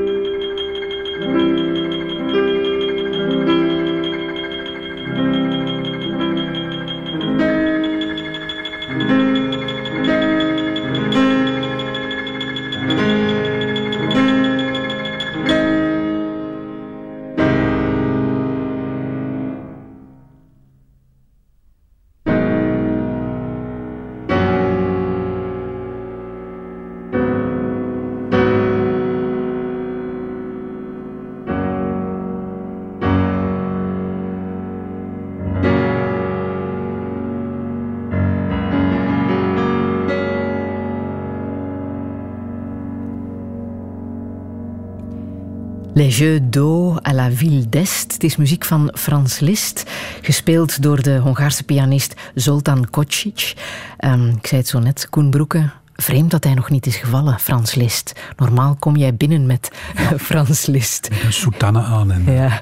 Was jij graag leerling geweest van Frans Liszt? Oh ja, ja. ja. Daar heb ik nooit over durven dromen, maar dat zou natuurlijk wel eh, geweldig geweest zijn. Waarom vind je dat zo'n bijzonder figuur? Ehm, misschien ook nog iets over dit stuk zeggen. Ja. want het is programmamuziek in de zin van... Hij beschrijft eigenlijk dus de waterspelen van de Villa d'Este. En hij doet dat op zo'n fantastische manier die eigenlijk... Hij is een tijd 50 jaar vo- vooruit. Dus eigenlijk de, dat soort van impressionis- impressionistische muziek komt pas terug bij Ravel en, en, en, en Debussy veel later. Uh, maar hij beschrijft dat, hij beschrijft die rimpeling in het water, die waterbeweging. Je kan dat perfect horen in, in die kleine nootjes. Maar hij beschrijft ook een soort van melancholie van de waarneming. Dus hij neemt het waar, maar tegelijkertijd is het ook heel melancholische muziek waar hij iets zegt van die waarneming. Ik heb die gedaan, maar die is ook voorbij. En ik kan ze toch ook ergens in mijn muziek vatten. En Liszt, het, sluit een beetje aan bij waar we geëindigd zijn met Lennon en, uh, en Egon Schiele. Dus heel kort nadien, ik denk, en eigenlijk, ik was 18, denk ik, ook dan de periode dat mijn moeder is overleden, heb ik een aantal uh, Liszt-biografieën gelezen. Ik was zo weg. Ik denk dat ik ook, ik denk, nee, ik denk dat ik die biografieën heb gelezen op de juiste leeftijd. Zo, ik denk, als je dan 25 bent, ben je daar niet meer ontvankelijk voor. En waarschijnlijk als je 15 bent ook nog helemaal niet. Uh -huh. Maar dus je hebt eigenlijk dat leven dat begint met een soort van stormachtige carrière. Dus een soort van popartiest, artiest, artiest avant la lettre. Een, uh, met, met, met ja, weergaloze successen. Uh, uh, iedereen wil over hem schrijven, iedereen wil hem uh, ontmoeten. Hij, hij, hij, reist zich ook te pletter in het begin. Is, laten we zeggen, eerste helft um, van de 19e eeuw is dan nog met de koets. Op het einde van de eeuw is dan met de trein. Dus onvermoeibaar reist om die, die virtuoze pianomuziek te spelen waar hij uitblinkt. En op een bepaald moment stopt hij ermee en gaat hij heel ingetogen muziek schrijven, zoals ik al heb gezegd, die zijn tijd ver vooruit is. En dan had ik in een, in een biografie gelezen, het was een hoofdstuk dat noemde Santa Indifferenza, waar dan de oudere Liszt wordt beschreven als iemand die eigenlijk volledig ook zo onthecht was geworden en zijn eigen muziek niet meer promoten. Hij componeerde nog wel, maar dus hij werd overal uitgenodigd voor grote Liszt-festivals, bijvoorbeeld ook hier in België, in Antwerpen, door Peter Benoit. En als hij kwam, ze speelden natuurlijk muziek van hem, want ze wilden dat. Dus de, de, laten we zeggen, zijn fans wilden zijn muziek horen, maar hij probeerde dan zoveel mogelijk muziek ook van zijn leerlingen en van, van, van plaatselijke componisten te, te, beluisteren. Dus hij promote dan eigenlijk het werk van anderen. Dus hij was daar zelf zo helemaal, uh, wat zijn eigen ego betrof, dat daar blijkbaar zo had kunnen schitteren in die, in die beginjaren, -huh. was eigenlijk volledig aan de, aan de kant gezet. En wat was er zo bijzonder aan zijn lichaamstaal? Wel, ik was dan gefascineerd geraakt ook in een, in een latere fase door uh, zijn lichaamstaal en dat van Liszt bestaan geen filmpjes, bestaan geen filmopnamen. Er bestaan foto's, maar dat zijn statige foto's zonder beweging. Maar er bestaan heel veel karikaturen, heel veel tekeningen. En daar kun je uit afleiden dat die man bijzonder um, extravagant moet geweest in zijn spelen. Niet alleen in zijn beweging, hij, hij maakte sprongetjes en zo, maar ook in, in, in zijn verkleedpartij. Dus hij kwam op met een, met een sabel die hij ergens had gekregen van een Hongaarse graaf. En, en natuurlijk met zijn lange haren. En, en, en dan op een bepaald moment dat zij dan, laten we zeggen, de, de lage priesterwijdingen heeft gekregen met een soutane aan. Ik vond dat fantastisch. Eigenlijk is dat een beetje, laten we zeggen, Lady Gaga of zo, maar dan in, in, de, in de 19e eeuw. En ik dacht, ik ga dat reconstrueren, want geen enkele pianist houdt daar rekening mee. Die muziek is ook zo moeilijk. Elke pianist die dat speelt vandaag moet vooral zorgen dat hij zo stil mogelijk aan de piano blijft spelen, anders krijgt hij die muziek niet gespeeld, ah. zij of hij. Ik dacht, ik ga mij concentreren op die lichaamstaal en ik ben alleen dat gaan imiteren. En ik dacht ook, ja, klassieke pianisten nemen dat niet als serieus, maar blijkbaar dan toch wel. En, en, ik ben dan ook, omdat ik meer de details wilde van het pianistieke onderzoeken, gaan samenwerken met uh, uh, klassiek geschoolde pianisten. En dan ook uiteindelijk concerten en voorstellingen mee gaan geven. Maar dus die, die, dat onderzoek, dat vertrok van die karikaturen. dat waren dan in de eerste plaats performances, dat zijn ook tekeningen geworden. Maar ik reis er dan eigenlijk beetje, laten we zeggen, Europa mee af. Overal waar ik dan op historische instrumenten kon spelen. En op, op die manier heb ik ook ooit op de Bechstein van Liszt zelf kunnen spelen in het, in het Weimar, eh, in Weimar, in het, eh, in het Listhuis. En dat is eigenlijk ook een fantastisch misverstand, want dat was ook nog zo de tijd van voor het internet. Dus dat was met een brief en, en moeilijke telefoons. Oost-Europa was pas opengegaan.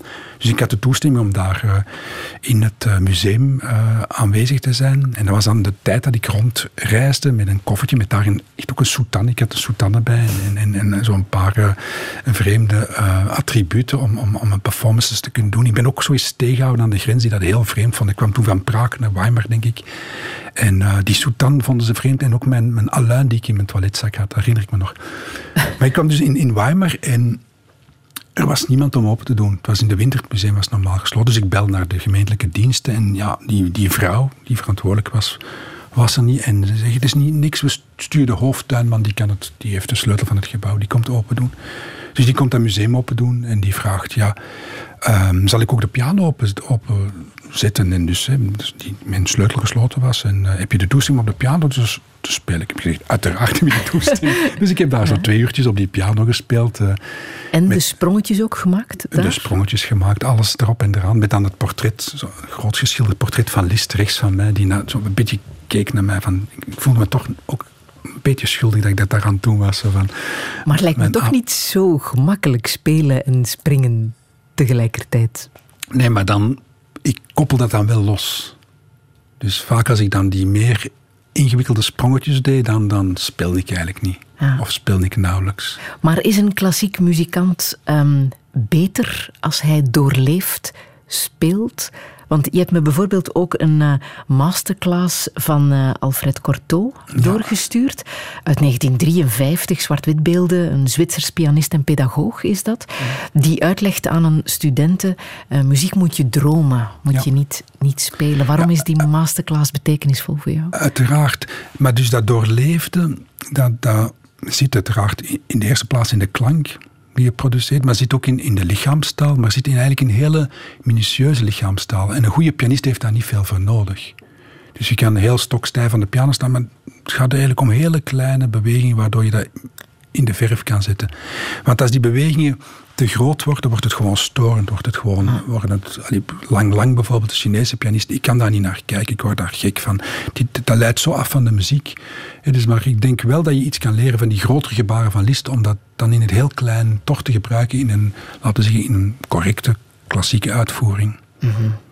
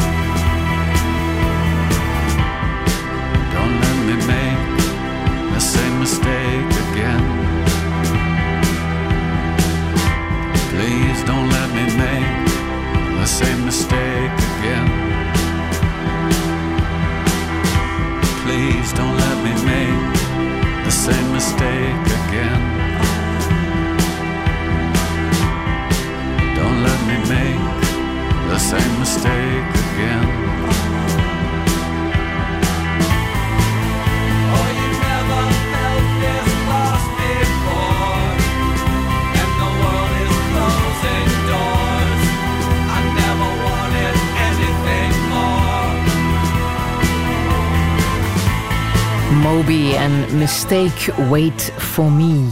Touché. Touché. We hoorden zo net Mistake Wait For Me, een nummer van Moby uit 2009. Koen Broeke, wat zegt dit nummer over jou? Ik heb dat eigenlijk gekozen omdat dat, dat ene zinnetje en the world is closing doors zo de laatste maanden, jaar continu in mijn hoofd speelt. Ik vind dat dat zo toepasselijk is op vandaag. Dat, alleen dat zinnetje. En voor de rest is het natuurlijk een nummer over verlies. Het is ook niet duidelijk, want het is soms ik, soms jij, soms wie eigenlijk wie heeft verloren. Het is ook daardoor een beetje een, een mistig nummer. Maar wat voor mij ook belangrijk is, het is een, eerder een, droevig nummer. ehm, dat vaak droevige liedjes mij meer hebben geholpen. Of laten we zeggen, kunstwerken waar een bepaalde droevigheid in aanwezig is, mij meer hebben geholpen dan vrolijke liedjes op momenten dat ik zelf in, in moeilijke situaties zat. En ik denk dat dat eigenlijk een beetje het homeopathische eh, principe is. Dat dus een klein beetje zo eh, helpt om dan het, het grote te, te, laten we zeggen, te bestrijden. Het is, het is zo'n beetje melancholie als medicijn. Zo. En Dat heb ik, ervaar ik ook in deze muziek. Heeft muziek of kunst in het algemeen jou kunnen troosten bij het verlies van jouw oudste zoontje? Ja, absoluut. Ja, ja. Dus ehm, hij is gestorven toen hij 3,5 was. En eh, het was een hele, eh, laten we zeggen, zeldzame eh, erfelijke ziekte. En dat is eigenlijk ontdekt geworden op het moment dat hij niet wilde beginnen stappen. Enfin, daar zijn er eerst heel veel onderzoeken ge- geweest. Moeilijke onderzoeken ook. Ook soms bedweters die dachten dat ze het wisten en het eigenlijk niet wisten. En dan uiteindelijk hele goede specialisten in, in Antwerpen, in, het ziekenhuis, die, die ons hebben geholpen. Uite- Uiteindelijk bij stervensbegeleiding, want daar kwam het op neer. En gek genoeg, in die periode is muziek heel belangrijk geweest. Ehm, ehm, bijvoorbeeld, wat, we toen. Ja, mijn zoontje leed toen helse pijn, ook eh, zo, zo die laatste maanden, laatste jaar. Dus hij kreeg dan ook hoe langer hoe meer morfine. Er was echt altijd die grens zoeken, omdat morfine ook levensbeëindigend werkt. En wij merkten dat er bepaalde muziek was die dan, hem dan toch ook kalmeerde. Waaronder bijvoorbeeld Haydn, de Zeven Laatste Kruiswoorden. Wat, wat ook geen echte vrolijke muziek is, maar dat bracht hem tot rust. En dat was heel gek, want dan kwam er een kinesist aan huis om eh, toch nog, laten we zeggen, zo, zo een beetje soepelheid te kunnen, kunnen aanbieden. En dan die, die, ik weet niet hoe, kende die man die, maar die, die neuriede die muziek vrolijk mee. Dat was heel vreemd. Zo, dat was dan eigenlijk, laten we zeggen, muziek over het, het, het leidersverhaal van, van, van Jezus Christus. En, en, en die man die kon op een soort van vrolijke manier meezingen. Zo. En dat heeft ons er zeker, ehm, laten we zeggen, eh, doorgeholpen. En ook, ik, ik gebruik die muziek uit die periode. Er is, ook nog andere muziek, maar ik ga je niet, laten zeggen, heel, heel de lijsten op, opsommen. Maar ik gebruik die muziek ook heel spaarzaam. Ik, ik, ik zal die al- alleen met momenten gebruiken als ik zo... Ik wil, die, ik wil niet dat die muziek slijt, dat die, zo, dat, dat die emotie die in die muziek zit zo met, zou weg zijn doordat ik ze te veel heb beluisterd. Stervensbegeleiding bij een kind van drie en een half. Ja. Wat zeg je op zo'n momenten? Heb je, Ja, je hebt geen, gesprek? Je hebt geen keuze. Hè? Nee, nee met, met hem niet, maar wel met, met mijn ex-vrouw. En, en ook de vele vrienden en de familie die zijn komen helpen. Want dat was zeer intens. We moesten ook s'nachts wakker blijven voor die zonden en, en voor de voeding. Maar ook voor, voor de, de, de morfine, want we hebben hem altijd thuis gehouden. En we zijn dan ongelooflijk geholpen. En, en achteraf ook is dat denk ik ook iets waar je ehm, alleen maar blij om kan zijn. Dat je, dat je die periode helemaal hebt opgeofferd aan, aan, aan, aan die... ehm, we zijn zo wel wat vaag blijven werken. Ehm, ik ben zeker blijven schilderen, maar bijvoorbeeld ik werkte toen samen met de galerie van Tim van Laren. De, die samenwerking is toen gestopt in goede verstandhouding. Ik heb nog altijd een goede verstandhouding. En mijn werk is toen volledig verinnerlijkt. En het heeft dan eventjes geduurd voordat ik terug naar buiten ben gekomen. En ik ben dan ook eigenlijk ander werk gaan maken. Dus waar mijn werk voordien veel zelfstandiger, eh, nee, laten we zeggen, eh, kouder was. Veel, veel wetenschappelijker, een beetje sociologisch van inslag is mijn werk nadien romantisch ehm, betrokken geworden. En, en, en ben ik ook eigenlijk na- vanaf toen ook alleen nog maar over mezelf en mijn eigen ervaring gaan spreken. Bij wijze van spreken. Ja. Een ander mens geworden. Eh, zeker en vast, ja. Ja. Ja, Een ja andere- je wordt eigenlijk elke dag een ander mens. Hè. Dus, en, maar dat, nu de grote gebeurtenissen in je leven... Enfin, je hebt die kans. Je hebt ook de kans om halstar de- dezelfde persoon te blijven. Maar ik denk dat dat de uitdaging is van die momenten dat je, dat inderdaad iemand anders kan worden. Ja. Ben je een andere vader geworden ook? Voor je andere zoon? Dat Door denk dat ik niet. te hebben dat, meegemaakt? Dat, denk ik niet. Nee, nee. Dat denk ik toch niet. Nu, het is zo, ja, mijn, mijn, mijn andere zoon, die is ondertussen ook eh, twintig. dus eh, dat is helemaal anders. Dus op, op dit moment, ehm, als we samen zijn, dan, dan, dan zijn wij gelijken. En, en dan ben ik eens... Ik ben denk ik zo in zijn opvoeding een soort van coach geweest. Ik ben soms wel een beetje een afstandelijke vader geweest. Ook soms bewust. Ik, ik, vind, ik hou ook wel van dat je... Ik heb die ook gekregen als kind, dat je een bepaalde vrijheid krijgt. Je moet natuurlijk ook altijd ergens liefdevol aanwezig zijn, maar die liefde wordt, wordt, wordt ook, daar wordt ook soms op getrapt, zo in, zeker in die puberjaren.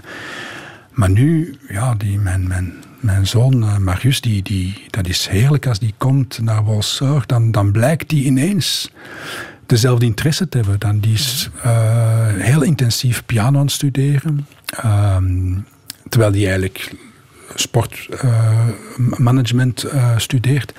Maar die is heel intensief met piano bezig, met pianomuziek. Dan vooral Chopin is hij helemaal weg van.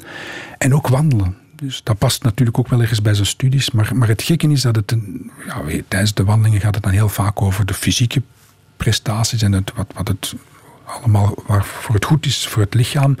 Maar hij geniet hoe langer hoe meer ook van die heerlijke landschappen. En, en dus we hebben gesprekken die dan ook over andere dingen gaan. En die natuurlijk veel meer gaan over, over mijn core business, als ik het zo mag uitdrukken. Heb je het dan ook over jouw overtuiging dat Wolsar in de middeleeuwen het middelpunt van de wereld moet zijn geweest? Ik ben geen missionaris. Het is niet dat ik probeer. Ik heb dat wel eens in een interview gezegd, denk ik, in Wilfried. Ehm, maar het is wel zo. Hè. Dus de, de Maas was in de middeleeuwen, de vroege middeleeuwen, ehm, een beetje de, de ader van Europa. Dus heel veel trafiek ging langs de Maas. Ehm, er lagen belangrijke steden op, zoals Luik en, en Namen en dan verder Maastricht en zo natuurlijk. Maar eh, dat heeft te maken ook met het feit dat daar wapens werden gesmeed. En het wordt nog altijd hè, de dinanterie. En dan heb je nog altijd in Herstal worden nog altijd wapens gemaakt. Er is een, een zware historische, eh, laten we zeggen, er zijn antecedenten voor. En daardoor was het niet alleen een militair-economisch eh, economisch centrum, maar was het ook een cultureel centrum waar, waar ehm, belangrijke reliquieën werden gemaakt, bewaard. En met name in Wolseur was een heel belangrijke abdij met een zusterabdij in Hastier. En van beide plekken zijn nog restanten over. Dus het komt er eigenlijk op neer als je de twee eh, abdijen waar nu nog deels gebouw van bestaan, als je die zou samenleggen, heb je eigenlijk terug een soort van volledige abdij. Wat het ook wel heel interessant maakt. Dat je Ja, ook en daar vervangt. ben jij onderzoek naar Ja, aan het ja doen? natuurlijk. Omdat dat is, ik, ik, ehm, ik loop daar dagelijks langs natuurlijk. Ja. Ja, en hoe ver sta je ondertussen? Wat voor bewijzen eh, heb je al kunnen... Ja, maar het is niet, als ik een onderzoek doe, is het niet dat ik nu zo'n zo een kleine, smalle these wil, wil, wil verdedigen of, of bewijzen. Dus je wilt toch het, tastbare het- verhalen? Ja, waar het ehm, over gaat, is dat ik inderdaad een, een connectie maak met die plek. En met, met de mensen die op die plek wonen en hebben gewoond. En deze zomer heb ik inderdaad kennis gemaakt met de mensen die op het kasteel wonen in Wolsau, de familie de Alwa, ehm, die daar inderdaad al generaties lang wonen. En die hebben mij, want, want ik was toen een tentoonstelling aan het maken met de zichten uit de hele vele ramen die ik heb in, mijn huis. Eh, de, titel van de tentoonstelling dan ook Room with a View geworden. En de mensen op het kasteel zijn dat dan te weten gekomen en die hebben mij rondgeleid en die hebben alle, alle ramen in het kasteel laten zien.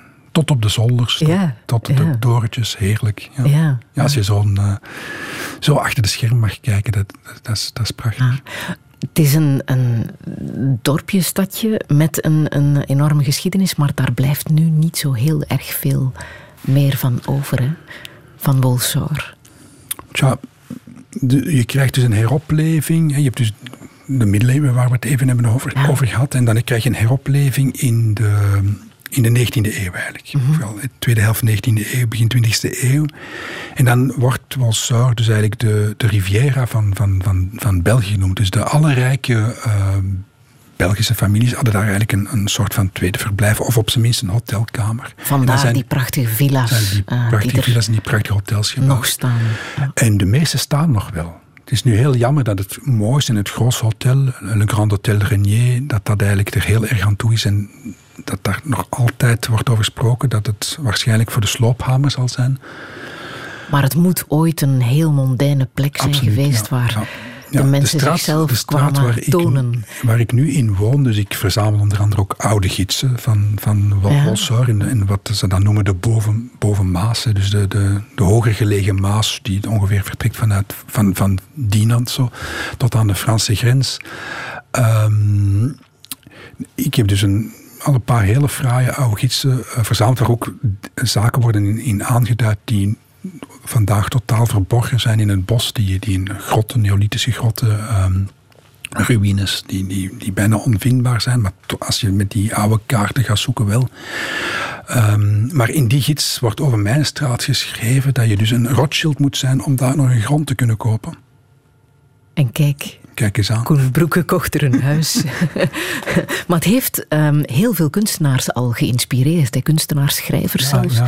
die daar zijn... eh, eh, Dat heeft te maken eigenlijk met, eh, de, de zogenaamde kunstenaarskolonies. Dus op een bepaald moment in de 19e eeuw wordt het plenarisme, het buitengaan schilderen, wordt een soort van mode. En onder andere Rops Felician Rops. ja. komt dan terecht in ACRM, waar een soort van schilderskolonie wordt, wordt ges- gestart rond Repos des Artistes. En dan is er toch wel één iemand, Roffian, die verder gaat naar gaan. En op het einde van de dag heeft geschilderd Moeis. En eigenlijk is de, terug, de weg terug en naar het meer noordelijk gelegen uh, Aansrem te ver. En hij zoekt naar een overnachting. Hij komt dan terecht bij Martino, de veerman, die hem een, pint geeft of zoiets. En hij mag dan blijven slapen. En nadien komt Roffian terug met vrienden, kunstenaars. En, en bouwt een hotel. En dat is het eerste van de Grand Hotels die daar dan ook nadien een rijk publiek aan, aantrekt. Uh, met name, um, ja, laten we zeggen, de eerste toeristen, de eerste luxe toeristen. En dan, dan is het eigenlijk het paradoxale dat die mensen de kunstenaars verjagen. Want de kunstenaars willen juist plekken die ongerept zijn, die, die waar niemand komt, waar ah. ze eindeloos kunnen wandelen en tekenen in, de open lucht. Ah.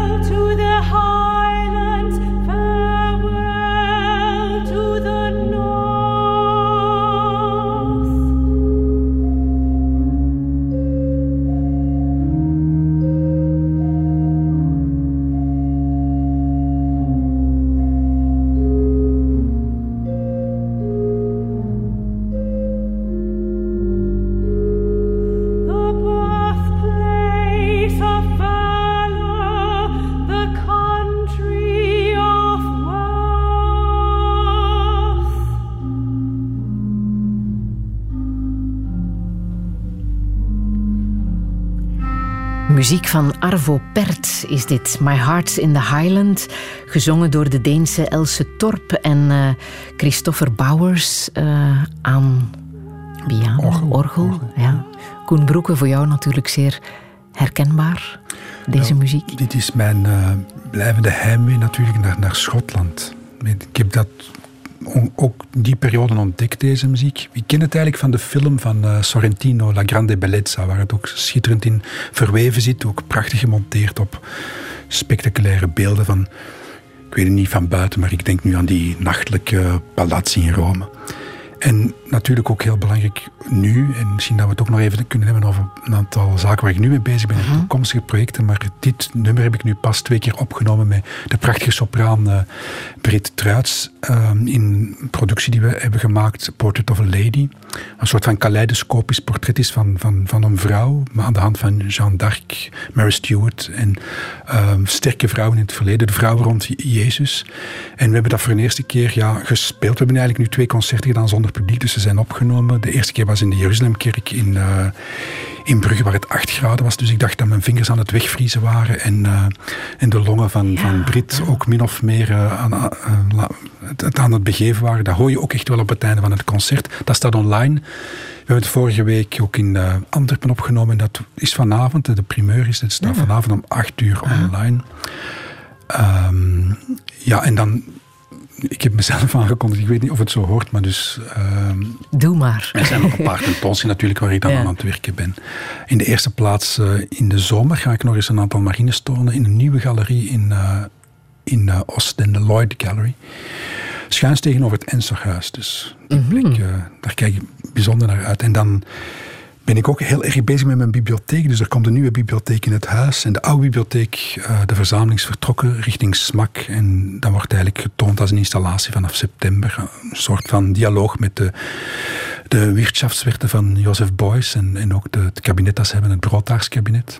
Het gaat eigenlijk over die verzameling boeken. Mijn kernverzameling boeken. En hopelijk kan het museum dan weer als vanouds geopend Wel, worden. de, de musea zijn natuurlijk open en zullen, neem ik aan, dan ook open zijn. Maar het zou fijn zijn dat we een feestelijke opening kunnen doen. Ja. En er is mij ook gevraagd om een performance te doen. eh.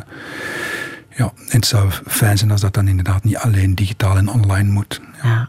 Wat zou je echt nog willen in het leven? Goh. Ja, tijd met mijn vriendin doorbrengen. En eh, in schoonheid. En, en de kunst speelt natuurlijk ook een heel belangrijke rol in ons beider leven. Ja. Wat is schoonheid? Naast mijn vrienden. Ja, de vrienden zitten nu een beetje op de achtergrond door, door corona. Mijn familie ook, helaas. Mijn zoon zie ik niet zoveel.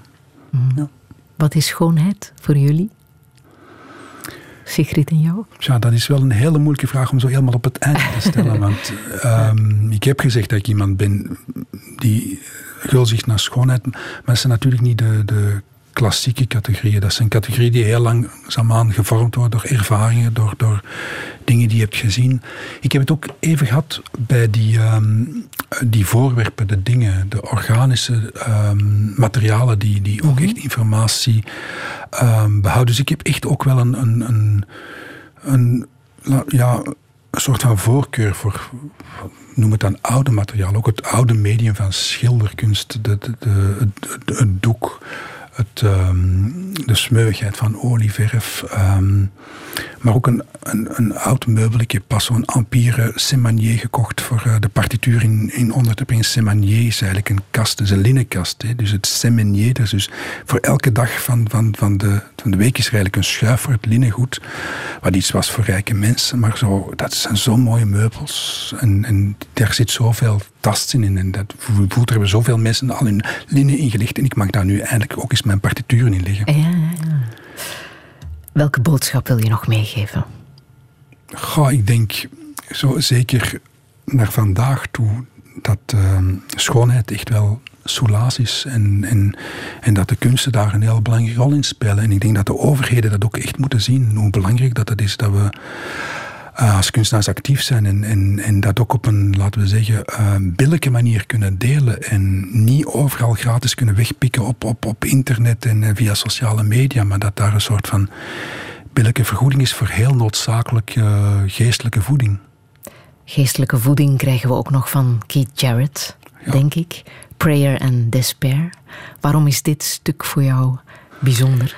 Dit is eigenlijk een, een stuk dat is opgetekend door Gurdjieff. Gurdjieff, dat is een, een, ehm, een Armeen die in het begin van de 20e eeuw hele verre reizen heeft ondernomen eh, naar het oosten. Het Midden-Oosten, het Verre Oosten tot in Indië. Om daar voor zijn boeken eigenlijk tal van spirituele informatie eh, te verzamelen. Maar die had een soort van muzikaal geheugen. Dus ook elke melodie die hij had, had gehoord, had, had hij onthouden en heeft hij dan voorgespeeld voor een, voor een pianist, de Hartman, die daar partituur van heeft gemaakt, waardoor we die muziek vandaag kunnen, kunnen naspelen. En als ik die muziek speel of hoor nu zelfs door Keith Jarrett, is het alsof dat mij heel, heel ver terugbrengt in de tijd.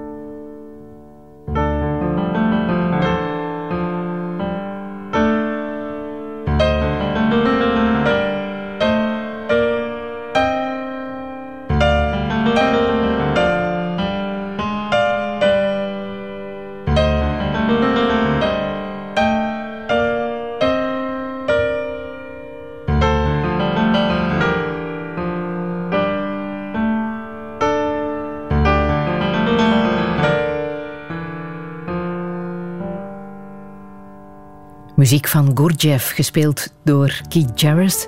Met uh, grote dank aan uh, Koen Broeke.